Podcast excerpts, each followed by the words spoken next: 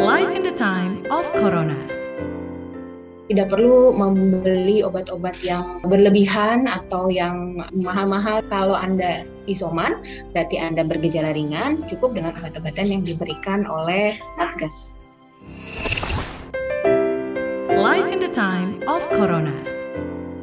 Pandemi coronavirus atau COVID-19 telah banyak mengubah segala sisi kehidupan kita. Palang Merah Indonesia atau PMI yang didukung oleh IFRC ingin mengedukasi masyarakat cara menghadapi masa pandemi COVID-19 ini.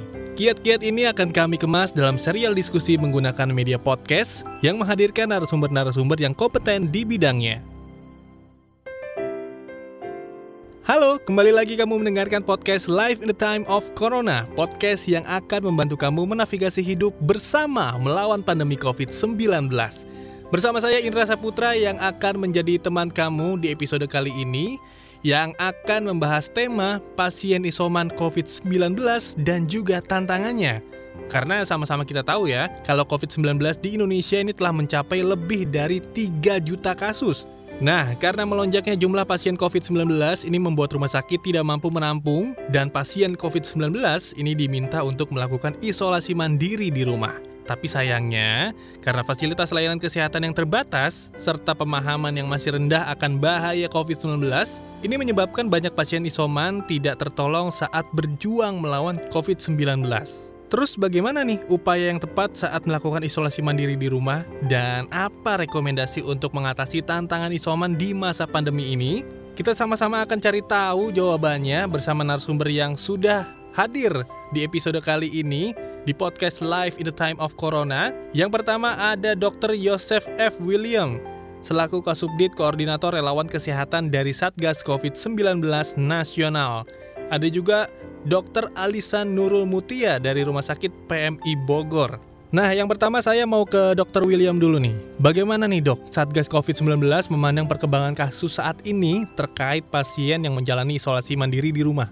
Saat ini pasien COVID di Indonesia ini meningkat dengan cukup drastis. Kemarin-kemarin terakhir saya monitor pertambahan per hari itu sekitar 34 sampai 36 bahkan waktu itu sempat 45 ribu per hari ya. Nah, itu sehingga penambahan ini itu sebetulnya cukup besar sekali di luar kapasitas daripada rumah sakit yang ada di Indonesia gitu sehingga akhirnya waktu kemarin-kemarin terjadi kepenuhan dari rumah sakit-rumah sakit rujukan yang ada di Jakarta Jakarta, Bandung, ataupun Pulau Jawa dan Bali ya. Sekarang sedihnya Jawa Bali sudah mulai tertanggulangi, tapi luar Jawa Bali yang mulai penuh ya. Akhirnya yang jadi masalah adalah bagaimana kita menghadapi ini semua sehingga masyarakat ini bisa terbantu dan tertolong. Makanya untuk kemarin-kemarin sempat kita juga dari Kemenkes, dari BNPB, dari pihak-pihak yang terkait, eh, itu semua kita bicara bagaimana kalau kita mulai dengan isolasi mandiri dan kita sekarang juga mulai menjalankan sejak dari Januari itu isolasi mandiri. Jadi uh, isolasi mandiri di masyarakat di rumah maupun juga isolasi mandiri di kewilayahan dikelola oleh Pemda dan juga isolasi mandiri yang sekarang kita sebut sebagai isolasi mandiri terpadu. Jadi dibantu oleh pihak-pihak terkait yang lain sehingga bisa membantu. Nah ini diharapkan memang uh, pada saat awal-awal kemarin kita banyak sekali yang terjadi adalah kurang bisanya termonitor pasien-pasien yang isolasi mandiri dengan kita sekarang memperkuat sistem kerja dan cara kerja yang ada, kita harapkan nanti pelan-pelan kita bisa membantu masyarakat dan mengurangi angka-angka yang di mana angka kematian di rumah itu cukup tinggi. Ya benar banget dok, karena emang kalau justru banyak pasien isoman yang nggak bisa tertolong lagi saat berjuang melawan COVID-19. Dan seperti yang kita tahu juga dok, lonjakan kasus COVID ini membuat rumah sakit penuh dan akhirnya memaksa pasien COVID melakukan isoman di rumah atau di fasilitas isoman di luar rumah sakit. Tapi di sisi lain, alat-alat seperti oximeter dan juga oksigen ini juga susah banget didapat ini. Terus bagaimana nih dok, pertolongan pertama apa yang bisa dilakukan oleh pasien COVID-19 yang lagi melakukan isoman di rumah nih? Mungkin dokter Alisa boleh menjawab. Untuk pasien isoman itu minimal harus punya termometer dan oximeter ya. Satu memang pada pasien isoman itu harus ada pemantauan minimal dua kali sehari untuk suhu dan oximeternya. Kemudian apabila ada uh, gejala, misalnya suhunya demam tinggi terus-menerus, kemudian saturasi oksigennya juga sudah di bawah 95%, langkah pertama bisa juga uh, dicoba dengan uh, mengatur cara bernapasnya, mengatur pola bernapasnya.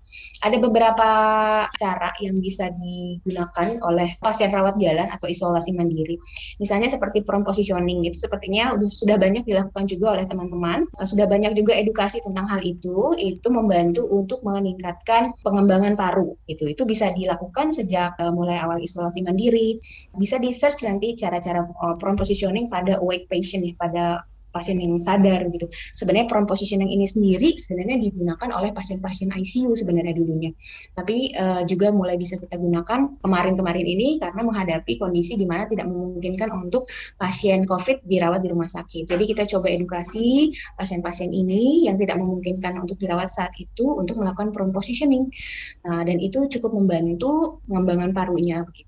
Walaupun memang tidak tidak pasti tidak akan uh, seefektif kalau dilakukan di rawat inap, tapi itu mungkin salah satu yang bisa dicoba dikerjakan. Itu dia ya, pertolongan pertama yang bisa kita lakuin ketika kita lagi isoman di rumah. Nah, sering kali kan pasien isoman ini harus berbagi ruangan gitu ya, di rumah dengan anggota keluarga lainnya. Apa nih yang harus dilakukan dok? Bagaimana jika kondisi rumahnya ini tidak memadai? Kalau memang e, kondisi rumah, misalnya contohnya kamarnya hanya satu, atau misalnya kamar mandinya emang kecil dan ruangan antara space antara kamar dan kamar mandi itu juga kecil, itu saya sarankan untuk melakukan isolasi mandiri di isolasi kewilayahan ataupun isolasi mandiri terpadu yang ada yang terdekat dengan menggunakan perujukan dari puskesmas atau dari satgas kewilayahan yang ada. Satgas kewilayahan ini uh, tidak perlu dari kabupaten kota tapi bisa dari mulai RT RW nanti nanti teruskan ke lurahan kecamatan. Uh, biasanya di kecamatan juga kemarin sudah disarankan untuk di setiap kecamatan ada uh, isolasi mandiri uh, kewilayahan ya di kecamatan gitu. Nah nanti kalau misalnya memang kewilayahan itu tidak ada atau misalnya fasilitasnya sudah penuh bisa dilakukan juga isolasi mandiri di terpadu yang sekarang banyak disediakan oleh Pemda maupun juga oleh komunitas maupun juga oleh lembaga-lembaga yang ada eh, di masyarakat sekarang. Kalaupun misalnya terpaksa tidak bisa eh, ataupun tidak ada, nah, kita bisa melakukan suatu siasat dengan melakukan penjadwalan rotasi. Hmm. Jadi eh, jam berapa sampai jam berapa itu adalah waktunya pasien untuk mandi. Yang lain itu berada di ruangan yang lain yang jaraknya aman lah. Ceritanya jarak aman itu adalah mungkin di atas 3 sampai 4 meter ya dari pasien tersebut gitu sehingga tidak terjadi kontak.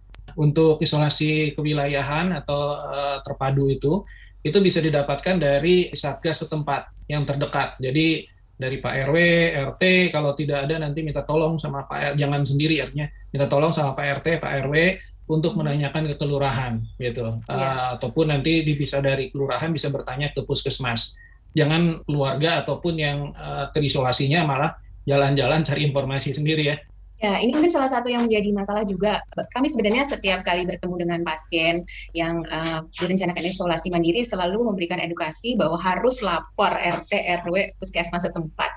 Tapi uh, masih ada keengganan nih dari pasien-pasien. Mungkin ada banyak uh, penghalang sosial ya, mungkin hmm. uh, takut atau malu atau sebagainya. Padahal dengan melapor itu Anda akan sangat-sangat terbantu untuk kalaupun memang uh, suatu hari pada saat pemantauan Anda membutuhkan perawatan, maka akan sangat dibantu oleh Satgas Kewilayahan dan Puskesmas terdekat. Nah itu dia ya, kalau sudah terbukti positif COVID-19, dan mungkin kondisi rumah juga kurang memungkinkan atau kurang memadai untuk melakukan isolasi mandiri di rumah, langsung lapor RT RW supaya bisa mendapatkan penanganan yang tepat, mendapatkan informasi langsung ke puskesmas terdekat ya. Tapi sayangnya di tengah pandemi ini kita juga mengalami kelangkaan obat lantaran terjadi penambahan kasus COVID-19. Apa aja sih obat-obatan dan multivitamin nih yang dibutuhkan oleh pasien COVID-19 dok? Mungkin ada tips untuk memenuhi asupan gizi dan makanan bagi pasien isoman? Uh, Pasien isoman itu berarti adalah pasien yang tidak bergejala atau gejala ringan. Kalau Anda melaporkan kondisi ini kepada Satgas Kewilayahan dan dengan FKTP terdekat, Mhm. pasti akan dilakukan monitoring. Kemudian akan diberikan paket obat-obatan yang sesuai yang eh, standar dari Kementerian Kesehatan. Nah, itu sebenarnya sudah cukup. Nanti eh, untuk obat-obat tambahan itu cukup untuk obat-obatan simptomatik istilahnya. Jadi untuk mengurangi gejala saja, misalnya obat mual, obat diare, itu jenis-jenis obat-obatan yang sebenarnya over the counter, jadi bisa dibeli sendiri. gitu.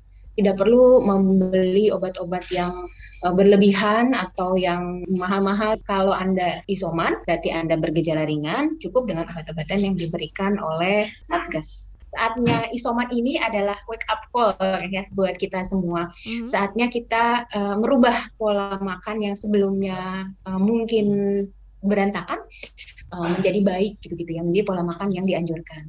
Dietnya itu pola diet yang seimbang. Jadi harus ada uh, cukup cukup karbohidrat protein lemak sayur buah dan uh, air itu harus cukup.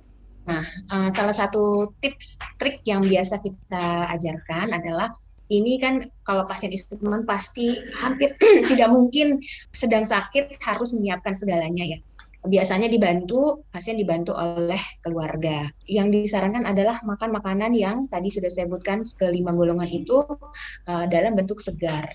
Kalau misalnya sulit, ada istilahnya namanya food prep ya, food preparation. Kita bisa beli bahan-bahan segar, kemudian disiapkan untuk uh, bisa dimakan sampai satu minggu ke depan begitu. Mhm. Jadi disiapkan uh, dalam satu waktu, kemudian bisa dibekukan pada saat waktunya makan, Mhm. uh, itu bisa tinggal dihangatkan begitu. Mhm. Nah itu bahannya segar, kemudian juga bersih dan mudah nanti penyajiannya. Karena nutrisi pada pasien COVID ini sangat penting, nutrisi dan cairan harus tercukupi selama uh, dalam masa isolasi mandiri.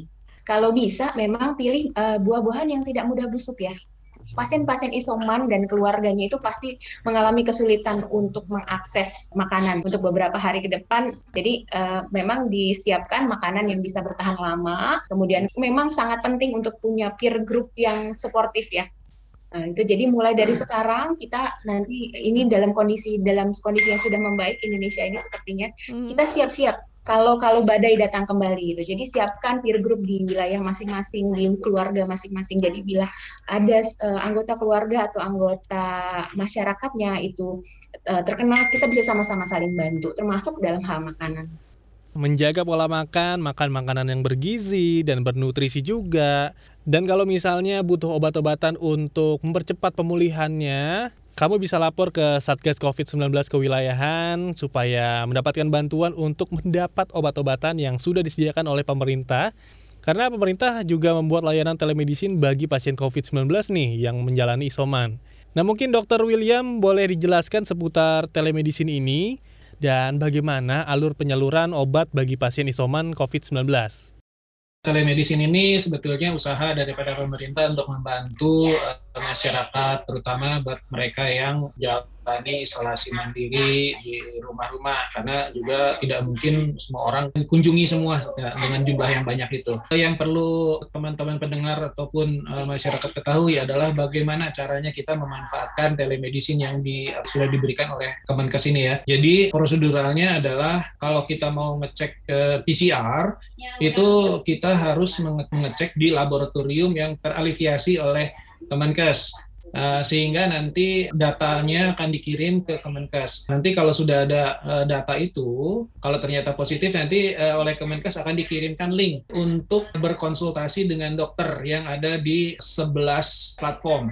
Nah, untuk labnya sendiri itu sejauh ini ada 742 lab di seluruh Indonesia yang bisa teraliviasi uh, oleh uh, Kemenkes. Nah, untuk tahu uh, lab mana saja yang sudah teraliviasi dan sudah tercatat atau berhubungan langsung dengan Kemenkes, bisa cek di websitenya Kemenkes atau bisa tanya ke uh, dinkes setempat ya. Uh, jadi mana saja yang sudah teraliviasi sehingga nanti akan mengeluarkan NAR atau New All Record. Nah, pada saat itu nanti kalau misalnya hasilnya itu akan diupdate ke Kemenkes, setelah itu nanti akan dikirimkan link ke 11 platform telemedicine yang ada. Yang dirangkul oleh uh, Kemenkes.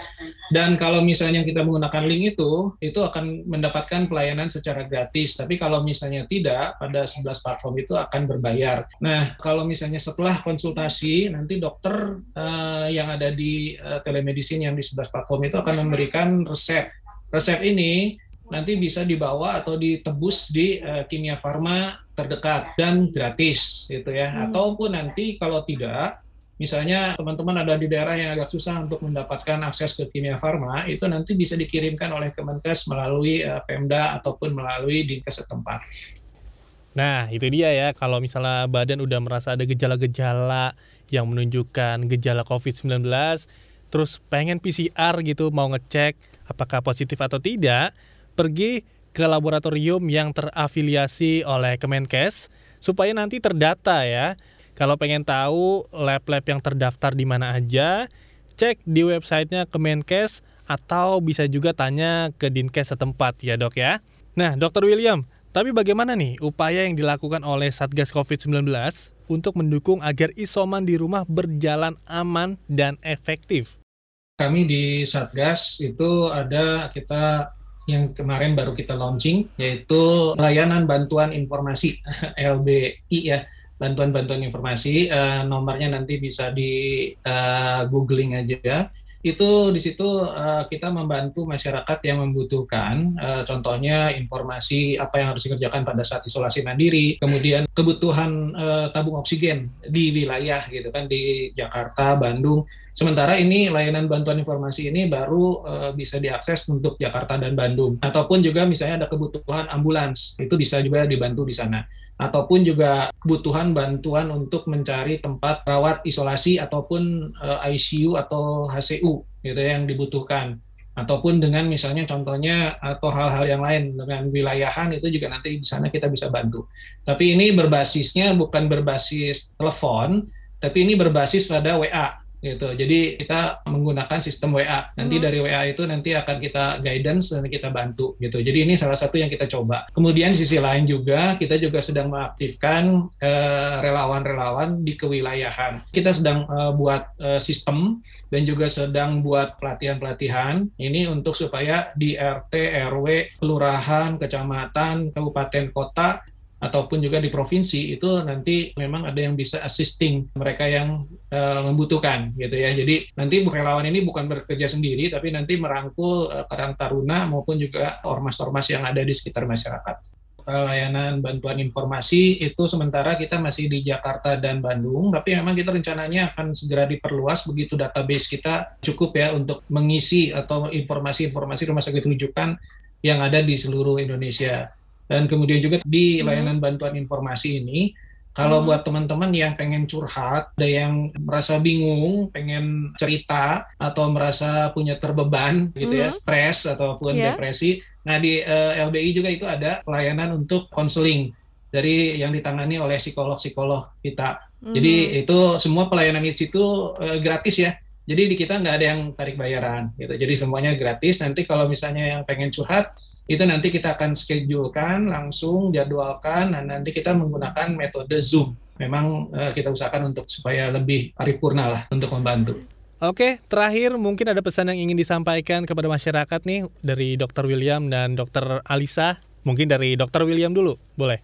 Pesan saya sih cuma simpel aja. COVID ini bukan masalah uh, pemerintah ataupun eh, lembaga-lembaga uh, yang ada di atas ataupun menteri-menteri yang ada di atas ini adalah masalah kita bersama. Jadi uh, marilah kita sama-sama uh, bergandeng tangan, masyarakat terutama di sini melakukan minimal prokes secara baik supaya kita bisa menanggulangi COVID, supaya nanti kita bisa kembali lagi beraktivitas seperti dulu kala. Kalau dulu tanpa masker kita sekarang pakai masker. Ya jadi supaya ekonomi kita juga berjalan kembali. Jadi marilah kita sama-sama. Jangan menuntut kepada pemerintah tapi kitanya sendiri tidak mau mengikuti prokes. Mari kita kerjakan prokes dengan disiplin supaya kita juga bisa kembali lagi membantu diri kita sendiri untuk bangkit kembali Dokter Alisa boleh menambahkan pesan atau harapan yang ingin disampaikan kepada masyarakat dan kepada pendengar kita nih di podcast Live in the Time of Corona.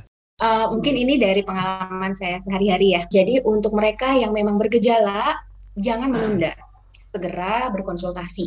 Sebenarnya konsultasinya bisa langsung uh, melalui ke rumah sakit, bisa dokter praktek pribadi atau bisa juga ke puskesmas atau bisa misalnya lapor dulu sama Pak RT Pak RW gitu ya. Saya bergejala nih apa yang harus saya lakukan kalau betul-betul tidak tahu apa yang mau dilakukan begitu. Nah, nanti kita uh, kalau pada mereka yang bergejala akan dilakukan pemeriksaan namanya uh, entry test dan exit test ya sekarang uh, istilahnya. Jadi harus segera mengkarantina diri sendiri, istilahnya karantina, kemudian dilakukan pemeriksaan entry test di hari pertama. Kalau misalnya ternyata negatif, itu bisa dilanjutkan uh, karantinanya sampai lima hari dan dilakukan pemeriksaan exit test di hari kelima. Kalau ternyata hasilnya negatif, itu berarti uh, bukan COVID. Tapi kalau salah satu positif, berarti kan dia uh, terkonfirmasi COVID dan harus melanjutkan isolasi mandiri atau isolasi di rumah sakit ya tergantung kondisi klinisnya. Nah, semua itu dilakukan sesegera mungkin. Bila Anda bergejala, jangan menunda. Seringkali yang saya temukan gitu sehari-hari sudah bergejala tapi masih bekerja. Setelah sudah bergejala masih ketemu banyak orang. Hmm. Anda membahayakan diri Anda dan banyak orang dengan seperti itu. Kemudian itu satu, kemudian kedua yang kemarin ini di second wave ini juga banyak kita temui adalah panik buying, semua dibeli. Jadi pada saat Anda bergejala, mendekatlah pada sistem yang ini ya sistem satgas terdekat anda gitu. Bertanya bertanya pada orang yang memang tahu hmm. uh, cari informasi yang benar dari sumber yang benar. Mungkin uh, membatasi membaca hal yang anda tidak tahu kebenarannya atau menyebarkan yang tidak tahu kebenarannya gitu. Karena sering kali informasi yang disampaikan padahal usaha pemerintah misalnya sudah wow banget gitu ya tapi terdistorsi dengan berbagai hoax ini gitu Oke, terima kasih untuk narasumber yang sudah sharing-sharing di episode kali ini membahas tema pasien isoman COVID-19 dan tantangannya. Sekali lagi terima kasih banyak untuk narasumber kita di episode kali ini, Dr. Yosef F. William selaku Kasubdit Koordinator Relawan Kesehatan dari Satgas COVID-19 Nasional, dan juga untuk Dr. Alisa Nurul Mutia dari Rumah Sakit PMI Bogor. Kita udah belajar banyak banget dari episode kali ini ya, buat kamu yang mungkin sekarang lagi isoman, cepat sembuh, mudah-mudahan bisa lekas sembuh, gejala-gejalanya berkurang, dan mudah-mudahan nggak ada gejala yang berbahaya juga ya.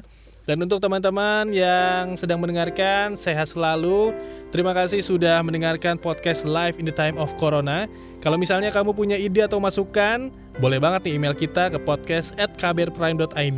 Tulis di bagian subjek podcast Corona. Dan jangan lupa juga untuk ikuti podcast yang cocok untuk curious mind kamu di kbrprime.id atau platform mendengarkan podcast lainnya. Follow kita juga ya di Instagram di @kbr.id. Indra Saputra pamit, sampai jumpa lagi di episode selanjutnya di podcast Live in the Time of Corona. Live in the Time of Corona.